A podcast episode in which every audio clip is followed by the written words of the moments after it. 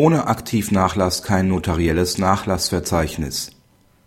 Deckt ein Nachlass nicht einmal die Kosten für ein notarielles Nachlassverzeichnis gemäß § 2314 Absatz 1 Satz 3 BGB, kann der pflichtteilsberechtigte Nichterbe die Einholung dieses Verzeichnisses nicht verlangen.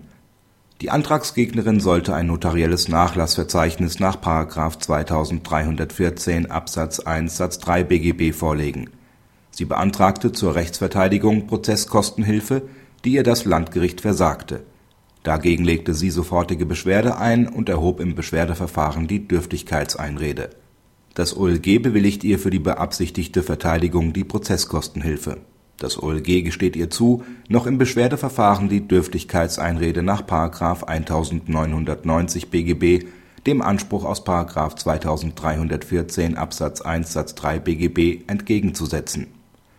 Zwar ist anerkannt, dass sich der Erbe gegenüber dem pflichtteilsberechtigten Nichterben wegen eines Auskunftsanspruchs aus § 2314 Absatz 1 Satz 1 BGB nicht auf die Haftungsbeschränkung oder Dürftigkeit des Nachlasses berufen kann, wird jedoch ein notarielles Nachlassverzeichnis nach § 2314 Absatz 1 Satz 3 BGB verlangt, fallen dafür Kosten an, die der Nachlass trägt (§ 2314 Absatz 2 BGB).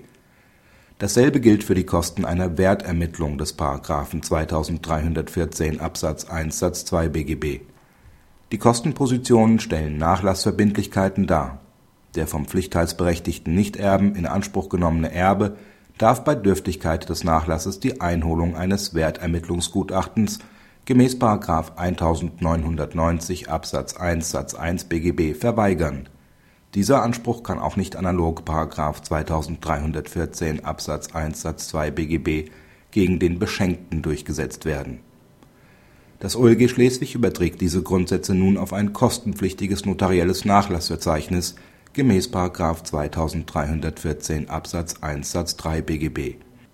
Praxishinweis Die Entscheidung schiebt aufdringlichen Pflichtteilsberechtigten bereits auf der Auskunftsstufe einen Riegel vor. Der Erbe sollte, unter Beifügung von Belegen, bei dürftigem Nachlass gegenüber dem Auskunftsbegehren gemäß § 2314 Absatz 1 Satz 3 BGB die Dürftigkeitseinrede erheben